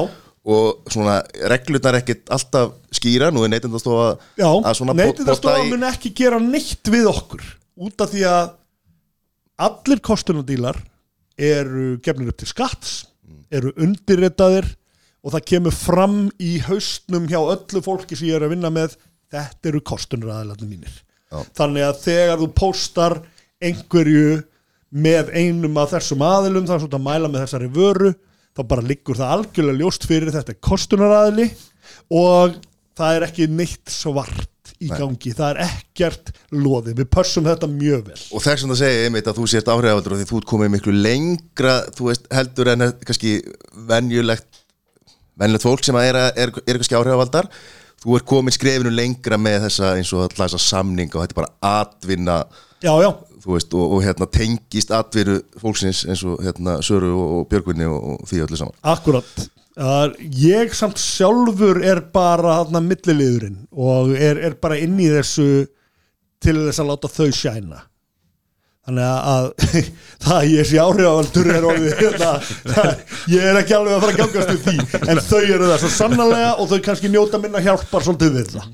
Hvernig er, nú er þetta fólk orðið bara miklu viniðinir og, og hérna, hvernig er að rukka svoleiðis, þessi, fá, hvað sem Það fá, hérna reyndist mér svolítið svona erfitt fyrst. Mhm. mm. ég, ég út af því að maður horfir kannski á þetta fólk og hugsa að þau eiga alveg nóg bara nei, þau eiga bara ekkert nóg. Mhm. þau, þau eigða öllu sem þau eiga í íþróttina sína í ferðalög tengd íþróttinni sinni í vörur tengdar íþróttinni. Og fyrsta skrefið er að stabilisera þau þannig að þau þurfu allan ekki að vinna neitt annað. Þau voru bæðar en það Sara var komin á ansi góðan stað þegar ég byrjaði að vinna með henni en Björgvin var ennþá að þjálfa einhverja tíma bara í sinni crossfit stöð og, og svoleiðir sko bara til þess að eiga nóg til þess að lifa af. Við erum nú búin að koma því sem betur fer í, í betri farveg og séðan bara á einhverjum tímapunktu út að þetta er bara fullt af vinnu sem ég vinn þá bara urðu við að setjast niður og, og, og setja þetta þannig. Og ég er bara með ákveðna prósentu af öllum þeirra kostunarsamningum og ég er með ákveðna prósentu af verðlunafjennu þeirra. Já. og, og það bara kemur inn í mitt fyrirtæki sem heitir Bakland sem er samhliða maurum sem er auglýsingastofa sem ég rek og er bara eitt og sama fyrirtækið. Þannig að þetta er bara hluti af okkar starfsemi og þegar ég segi ég þá meina ég auðvitað við því að það eru fleiri heldur en ég sem að sem að koma að þessum málum þó svo ég sé kannski með meiri fókus á íþróttafólkinu heldur en hinn sem ég vinn með. Það er alltaf erfitt að taka þetta samtal samt, skilur, eins og, þú veist, Já, þú veist, en það er auðvitað Það já. það er bara, ég var líka kannski svolítið að, menta mig í þessu og ná utanum þetta og, og átta mig á því. Þannig að ég var með þeim frítt í svolítið tíma áður en ég settist niður. Já. bara út af því ég vildi ná utanum þetta og ég vil ekki vera að fá greitt fyrir hluti sem ég ger ekki nógu vel eða hef ekki nægan skilning á. Þannig að núna er þetta bara, núna flæðir þetta bara. Þau fá bara reikning frá mér í hverju mánuði í hlutfalli við þessar prósentutölur og þetta bara rullar sko. Snull. Ekkert vandamál. Er þetta orðið einhver, einhver hérna hagfræði þáttur? Já, ég meina, þetta er bara spurningar sem að vera að spurja. umbóðsmennska virkar náttúrulega bara svona. Það er bara prósentur af innkomu. Ég held að allir umbóðsmenn séu þannig þannig fungerandi En nú tökum við þig aðeins út úr þessu samingi sko, og tölum kannski um hérna, eins og umbóðsmenn í, í enska fótboltanum Já. Er þessi menn ekki konum með alltaf mikil völd? ég, Stór spurning. Já, ég, ég hef ekki alveg þekkinguna til að svara því. Satt, satt ykkur að segja eini umbóðsmaðurinn í fótboltan sem ég þekki er hann Aggi hjá Total Football og hann er bara að Já, gera já. hlutina ógeðslega vel sko. Við erum meira að tala um stóru menna sem er að, er er er að láta menn skiptu sko, lið og út af auðrum verða menn apar Já. og ég held að alltaf og ég verð sjálfur ekkert undan þegin því heldur ef ég kemst einhver tíman í 100 miljón krónar díl þar sem að bara snjóar inn á reikningi minn það verður dagurinn sem ég breytist örglega eitthvað aðeins sko. Ég verður örglega aðeins meira asshole við það og þarf þá bara að klípa mig og minna mig á það og, og hérna vera með gott fólk í kringum sem að, sem að segja mér hefur snorrið út á algjört fíbl farað að hugsa þinn gang. Já. út af því að maður er ekkert undan þegin því. Og þegar maður fer að komast í eitthvað svona tekjuflæði og það eru einhverjir peningar virkilega farnir að rulla þá blindast maður að því. Og þá hætti maður að spá í hlutunum. Og ég hef heyrt mjög marga til dæmis, ég þekki nú marga fótboltamenn og þeir segja alltaf bara rule number one er að vera ekki vinur umbóðsmannsins síðans Já. hann vinnur bara fyrir þig. Hann, er, hann er einhver sem þú getur sko losaði við svona. Já. og út af því að eina sem hann er að hugsa um er peningar. Og þannig að allir fótboltinn sé ekki orðin þannig. Já. en daginn sem þetta verður þannig hjá mér þá vil ég ekki gera þetta lengur. Já, ég vil hafa þessa, þessa tilfinningu að ég er að gera eitthvað gagn og ég er að hjálpa einhverju fólki ég er að koma akkurat með það sem þau eru ekki með og þau eru þá að gera akkurat það sem ég er ekki með. Og við erum meira viðskipta félagar heldur en að þetta sé eitthvað one way. Þú er sunna að fara að keppa. Já, tjúfusins veistlama Er það ekki? Jú, Ferðu út eða? ég er því miður að halda crossfit keppni hérna á Íslandi sömu helgi Já. sem er Reykjavík CrossFit Championship sem, er, sem tryggir þáttökur rétt á, á Games og búin að vera í þessu verkefni bara núna í nokkra mánuði. Og hún er sömu fokking helgi og sunna er að keppa. Sunna átti náttúrulega að keppa þarna 16. mass eða ekki uppbrunnulega uh, Og þa náttúrulega- það voru nokkrar dagsetningar sem voru.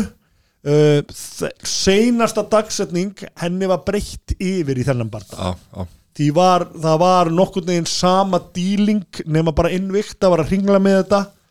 Það sem er í gangi núna er að sunni er ekkert bara að fara í eitt nei þetta er tornament eins og þetta var í gamla daga þar sem það mættu átta fætirar uh, á móti, einn á móti einum bara í fjóra bardaga fyrst og svo sem tapaði því er bara úr, þá eru fjórir eftir þá er bara undanúrslit og svo bara úrslit. Já. Fyrsta, fyrsta umferðin er bara ein, ein lota. Einlóta, önnur umferðin er einlóta líka Já. og síðan er úrslita bardaðin þrjár. Þannig hún getur orðið innvikta meistari. Já, þau voru að tilkynna það í síðustu viku að út af því að stráikta beltið er laust þá er seguvegarinn á þessu tornament að fara að taka beltið. Og það gerir það gerir þetta svolítið mikið meira spennandi. Því að sko fyrir það fyrsta þá er það það sem að fætir er alltaf að horfa á. Það er helviti beltið. Invicta er í eigu eða hluta eigu UFC og hefur verið útungunarstöð fyrir UFC inn í hvenna deildinda þar og ég man ekki eftir einum meistara í Invicta sem fekk ekki tækifæri til að fara, færa sig yfir.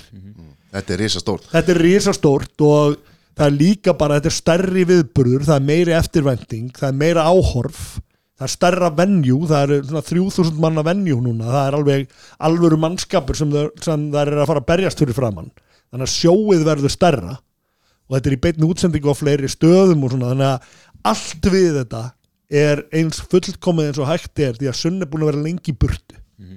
Hvað hérna, hvað er þetta, er keppni núna haldin? Kansas City, Kansas City og hérna hefur sem er innvikta strongholdið sko. Já, hefur stöð 2 ekki verið sporta sínar? síð, síðustu tvo bardagar síndi stöð 2 og þau eru svo sannarlega að fara að sína þetta. Já. þannig að, Ertu að búin að kynna þér stelpundar sem hún er að fara að keppa við? Já, ég meina Kaelin Curran heitir svo fyrsta sem hún er að fara á móti. Hún, það er grjótörð stelpa. Hún, hún er að koma úr UFC hún er að færa sig yfir núna. Já, það eru þrjár á þessu kvöldi er að færa sig úr UFC yfir í þetta. Og þetta er svona, UFC er svolítið meira með puttan í þessu heldur en í, í any other innvikta kvöldi. Já. því að það er bara svo mikil stemming fyrir tournamentformatinu. Og það getur vel verið að UFC sé að prófa þetta fyrir sjálfa sig líka hvort þeir eru að fara að halda eitthvað tournament líka. En Kaelin Curran er ekkert með sérstakt rekord en þegar maður skoðar síðan bardaðan hennar þá er þetta split decision rosa mikið, þá er þetta það að hún gerði bara næstu því nóg en ekki alveg nóg. En hún er búin að berjast við sko Felice Herrick og, og Paige Van Sant og hún er búin að berjast við stelpur sem eru bara á toppnum í heiminum. Þannig að það, það Þetta er alvöru test fyrir Já, Sunnu. þetta er, þetta er alvöru test. En Sunna er náttúrulega bara í alvöru testi alla dag, hún er út í Las Vegas núna að æfa bara með, með öllum hörðustu stelpunum sko og er bara að standa sig. Og hún er bara, hún er bara að vaksa hverjum degi. Það er, gleymist svo fljótt. Þetta er svolítið áhugavert og, og ég leiði mér að vera svolítið gaggrinn Sunna er búin að vera burt í tvö ár. Hún vann þrjábarta í röð.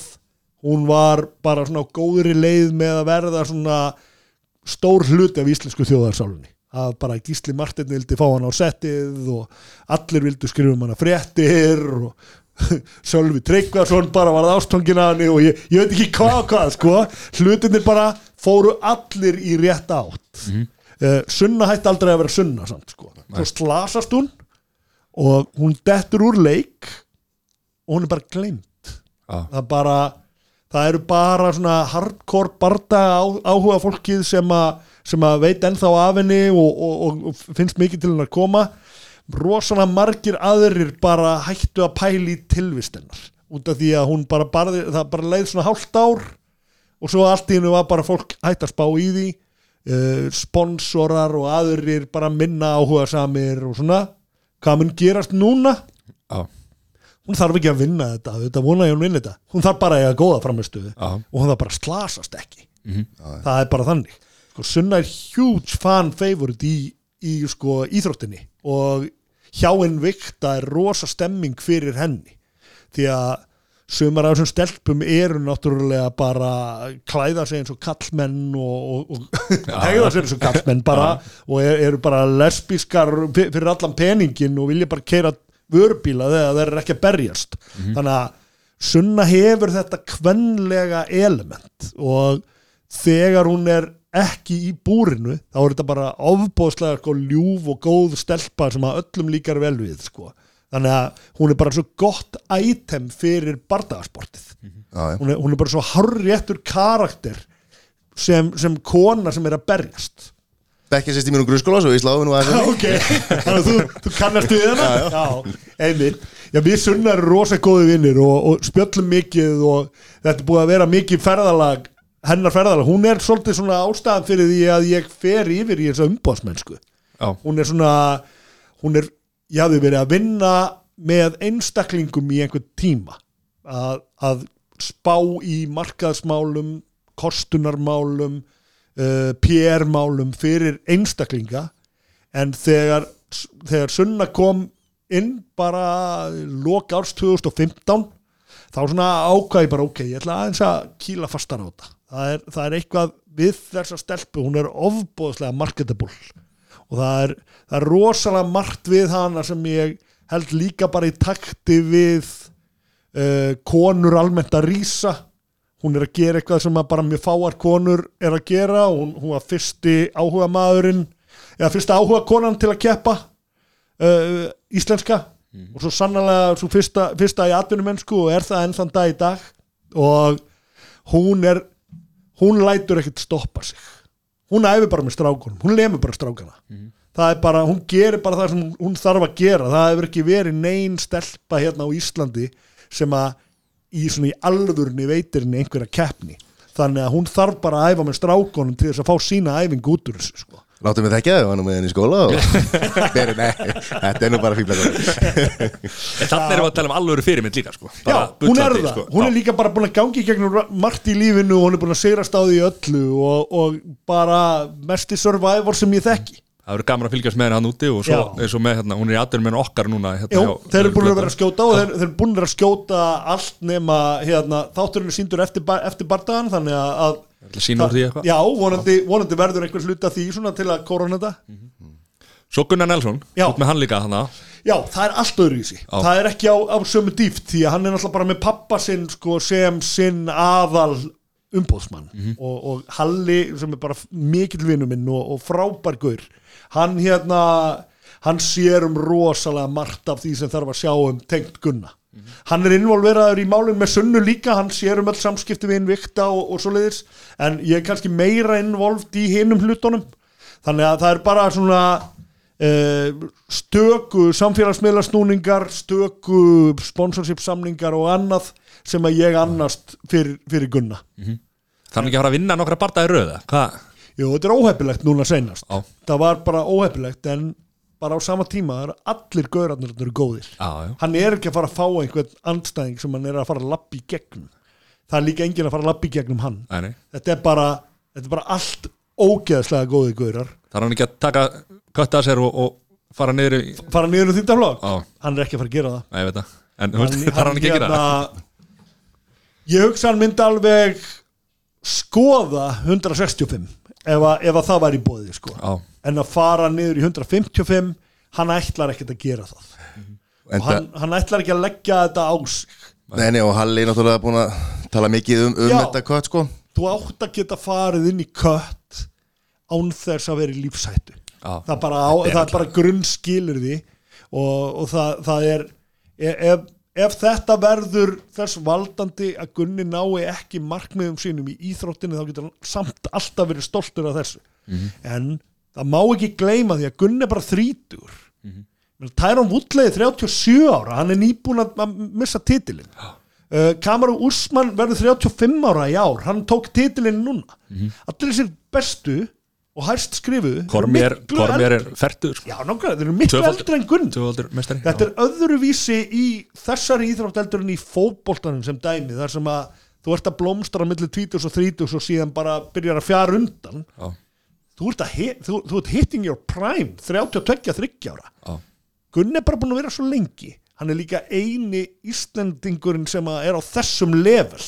Þannig að og Gunn er bara frábær bardaðamaður og það er bara erfitt að finna bardaða fyrir hann út af því að það vill enginn þurfa að mæta honum. Vilja allir velja sér frekar auðveldari anstæðing heldur en Gunna og Leon Edwards langaði ekkert að fá Gunna Nei. sko, ekki neitt. Uh, þannig að og það var verið að reyna Masvidal líka. Ég er reynda að trúi orðið Masvidal núna að segja bara hann vill hann, hann vill berjast við herra rankaða menn. Já, ég held að Masvidal sé ekki hrættu vinni ég, ég held að hann sé búið að establisera það núna sko. Hver er uppáhaldsmaðurinn í ÖSI? minn, Já. Justin Gaethje. Eða svona fyrir utan Gunna Gunni minn já. uppáhalds maður það er eins og einu sem ég þekki þarna og, Mhm. og hérna impressar mig á hverjum einasta degi. En hérna Justin Gaethje er einstakur. Já, og hann er bara hann er bara svo ríkalega öflugur og hann tekur svo mikla sjansa. Og hann, hann er svo mikill entertainer að það er, það er ekki hægt að segja ekki hann. Uh, á sama tíma eh, Masvidal frábær. Ég, hérna, ég, ég leit blúmer en ég, ég er mjög impressed af honum. Auðvitað átti ekki að ráðast á menn baksviðs. En mér finnst hann svo fyndin í viðtalin eftir þetta og three piece and a soda og allt þetta. Æ, og svo var ég að hlusta á hann hjá Joe Rogan og hann er bara skemmtilegur sko. já, uh, Kamaru Úsmann kemur mér á óvart. Ég held hann væri leiðinda gaur sko, hann er það samt ekki. Uh, is, uh, hann Adesanya sömleiðis frábær. Það, það Það er margir fullt- sem er auðvitað að halda með. Já. ég meina það er bara, ég meina Kelvin Gastelum er líka í uppáldi hjá mér. Maður má alveg halda með 20 manns. Mhm. Já, En það hvað er bara þannig, en það Gaethje líka- er gaurinn sem ég held mest með. Ég er líka búin að, búin að hitta hann. Já. og hérna þó það nú bara verið kortir eða eitthvað sko en það var bara samt hann, hann, hann, hann hefði svo auðveldlega geta verið asshole undir þeim kringustæðum hann hefði svo auðveldlega geta verið bara að taka mynd og fuck off. Já. og hann bara hafði ekkert betra að gera. Við vorum í röðinni að tekka okkur út á hótelinu í Toronto þegar Gunni var að berjast þar. Já. þannig að og, og ég var í Nelson treyju og hann byrjaði bara að spjalla við okkur að fyrra bræði sko út af því að bara your boy did good og, og bla bla bla og svo vorum við bara að spjalla saman sko þannig að er alveg það, þarf oft lítið til bilið á milli sko þess að fyrirlíti einhvern eða elska einhvern. Það er sirka þetta. Já, þegar, það er bara þú hittir einhvern og annarkvort stendur hann undir væntingum eða kemur óvart eða hann olliði vombriðum og þá bara hatar við komandi frá og með þeim degi. Já, og það má líka halda með Kormér eins og ég gerir þó að Já, það að margir hat- hata hann ég sko. hata hann ekki neitt hann er, hann er komið núna aftur hérna. Hann var einhvern veginn að fíla hann rosa fáir sko en hann er Já, núna svo komið, hann var að baula á hann Já, já, tíma. verið kannski svona hálft ár þá var hann menn Já, og hérna við ætlum, við ætlum, við höfum ekki tíma við ætlum ekki að spyrja neitt út í, út í hérna Akkur er stólum Nú, Stólu úr þér Stjörnu ÖFC Connor. Conor já. Það var bara datt hún Veistu það, ég get alveg talað um Connor. Ég þekki hann ekki neitt og er ekki bundin, bundin honum á nokkurn hátt sko. þó, þó sem hann er í historíu með Mjölni og hann er í historíu með Gunnari og, og eitthvað fleira uh, einhver staðar á leiðinni beigði hann bara út af. Já, hann bara kerði út í skurð þannig einhver staðar og hann er að ströggla við að finna leið, þráðin aftur. Svo er þetta bara eins og ég var að tala um með peningana. Ég ætlaði með þetta að vera að segja sko. þetta er, hann, hann eignaði svo mikið af peningum og fyrir mann sem kannski kemur úr því að hafa aldrei átt neitt þá er alls konar lið skrill í kringum hann. Skrill sem hann, honum finnst töff að hafa í kringu sig sem eru samt bara bleeding him dry.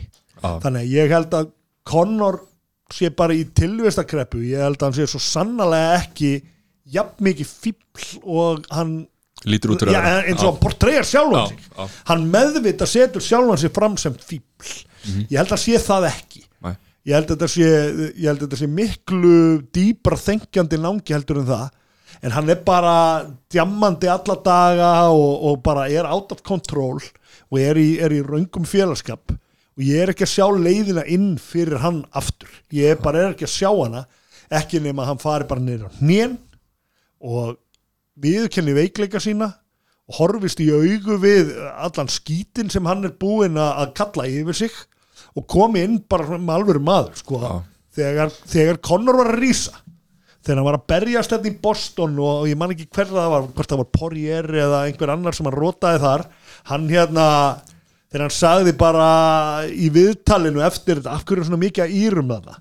Og bara when one of us goes to war we all go to war. Mér, þetta, var svo, þetta var svo rétt tímasetning á frasa, ég fekk bara gæsa á Já, ég gæsa núna, sko. ég, ég peppaðist alveg svakalega og ég hugsaði, ég fokkin elska hann gaur, bara ég elska hann We're not here to take part, we're here to take over það en svo fer hann að vera svona asshole byrja að drulla yfir til dæmis öll litlu podcastin og litlu útastöðarnar og litlu miðlana sem er að fjallum sem hann hafði alltaf ger, gefið sér tíma til að sinna. Já, því að það var leiðin hans. Hann verður frægur á ógeðslega skömmum tíma út af því að hann var svo duglegur að sinna öllum media duties. Maður fólksins. Hann var maður fólksins. Og hann var bara svona relatable og fyndinn og tilbúinn að tala.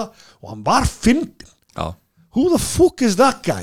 Meina bara, hann gerði Jeremy Stewart, þetta er hann Jeremy hérna, að stólið úr, já, hann heitir ekki Stewart. Nei, Jeremy Stevens. Stevens, já, Já, já. hann gerði frægan. Já, já, reynda Jeremy Stevens ger, counteraði þetta alveg gerði til, munið þetta í þegar hann tók mynd af sér með mömmu Connor og postaði she knows who the fuck I am. Það var geðveikt sko. En ég meina Connor dró rosalega mikið peningum inn í íþróttina. Og hann dró rosalega mikið sviðsljór þarna inn og hann varð algjörlega nöðslugur þegar Ronda Rousey hættir þá var Connor liggur við eina trompu John Jones í, í, hérna Já, banni John Jones náttúrulega- bara það er verið að byggja upp. Þetta eru, það, þetta eru grófar típur sem að vinna við það að fá högg í andlitið. Já, þetta er ekkit allt fólk sem er með 100% siðgæðisvitund eða, eða, eða good intentions bara yfir höfuð. Þannig að auðvitað er bara mikið að liði í þessari íþrótt sem er ekki alveg í lægi nei, nei.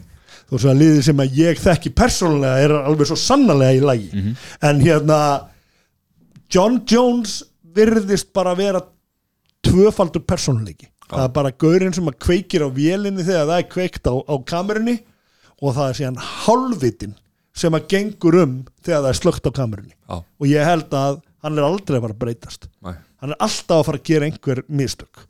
Og það að sé að finnast eitthvað í blóðin hans segir mann hann er að gera eitthvað. Og það að sé í mismunandi magni eftir dögum hann er bara að gera eitthvað. Og það er allir að drulli við TJ Dillasjó uh, hann er allir að búin að það er bara búið að, að grípa hann. Já. hann er bara komin, komin út úr íþróttinni og ég hefði, hefði sagt TJ Dillasjó líka þegar þau voru að spyrja hver var uppáhald og ég segi það eiginlega, hann, hann er í rosalega uppáhaldi á mér þetta er, kom mér ekki óvart að hann væri að svindla nei. Og það mun ekki koma mér óvart heldur þegar John Jones næst. Já, næst, já, það er bara þannig. Já, Þetta skemmir svolítið fyrir íþróttinni sko.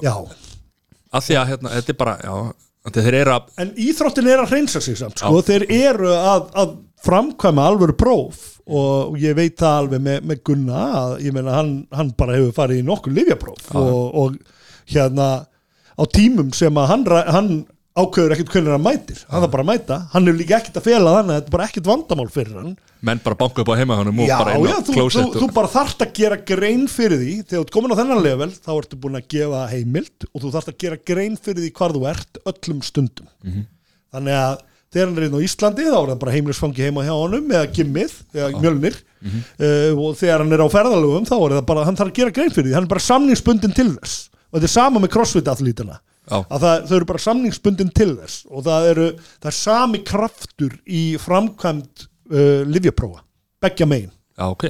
Þannig að það er, hérna, það er mjög auðvelt að horfa á crossfit fólkið sem er í yfirgengilugu formi og ákveða bara strax þau eru að svindla, þau eru að styrum þau eru ekki á því. Nei. það er bara þannig, þau eru ekki að nota þessi efni, það er eitt og eitt þeirra og þau eru líka tekinu leik. Já. og það er bara sama í gangi bardaðamegin Það er bara þannig að, að dröfum úr þessu að að konu það bara að hérna, fá bakland og, og fá þið til þess að rífa sig í gang og, og setja, það, er, það er of stórt verkefni fyrir mig. Ég myndi, ég, ég myndi ekki geta valdið því. En talandi- ég, ég myndi ekki taka það að mér heldur. Ég, ég þarf að vera að, ég, ég þarf að finna það að fólki sem ég vinn með séu mannesku sem ég get tengt við. Og mannesku sem taka marka á mér þegar ég tala, ég held að myndi aldrei taka marka á mér.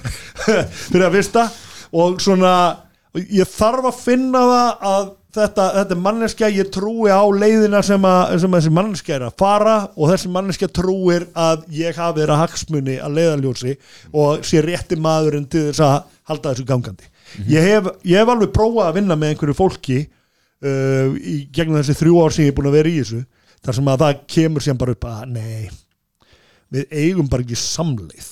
Og þá er það bara annarkvort ég eða við komandi aðili sem svona bara vekur aðtekla því því að ég er alveg þrjóskur. Ég hef alveg mjög skýra skoðanir á því hvernig hlutinir eiga að vera og ef viðkomandi er ósamálaði þá líkur samstarfinu þar. Ef það er eitthvað sem ég er mjög ákveðin í að eigi að vera nákvæmlega svona þá er ég ekki að fara að bakka með það út af því að það er samfæring mín. Og ef viðkomandi aðili hefur engan áhugaði að gera hlutina þá er betra og bara í góðum feeling að segja eigum við þá ekki bara að fara í sikkur áttina? Það er ekkit farsalt að að halda áfram að ég hjakast í einhverju sem að er það er ekki þannig og kannski breytist þetta einhver tíma kannski kemur einhver með miljón dólar dílin einhver tíman og, og þá er ég allt í hennu farin að að- að býti tungun á mér þegar, þegar ég veit betur en eldi peningin en sem betur fyrir það er bara ekki búið að gerast ennþá því að ég er svona all, allt það sem að öll þau verk sem ég vinn trúi ég á. Ég, ég trú á leiðina sem er verið að fara og ég er að, ég er að fylgja samfæringum minni. Skemmtilegasta verk sem þú runnið ég er í þeim öllum bara núna. Já, ég er bara á toppinum á tilveru minni akkurat núna. Ég er með aðeins og mikið að gera samt er ég búin að vera að fækka í einhverjum eins og það, það, ég er að vinna með færri, færra íþróttafólki heldur en ofta áður og svoleiði sko. En það er uh, toppurinn er akkurat bara núna. Og ég held að árið 2019 sé að fara að vera það er að fara að vera mjög krefjandi en so far so good sko. Já, þetta náðum mér á toppnum. Já, er það ekki? Maður, við erum nú rífum ykkur í gang og reynum að komast undir hattin hjá, hjá, hjá Bakland Já, Já. byrjaði að æfa crossfit. Já. Snorri Barón, ekki áhrifavaldur. Þakka að kella fyrir komuna og hérna gefa okkur tíma til þess að hérna, spjalla hans við Takk við leiðis, gaman að koma hérna. Takk fyrir. Takk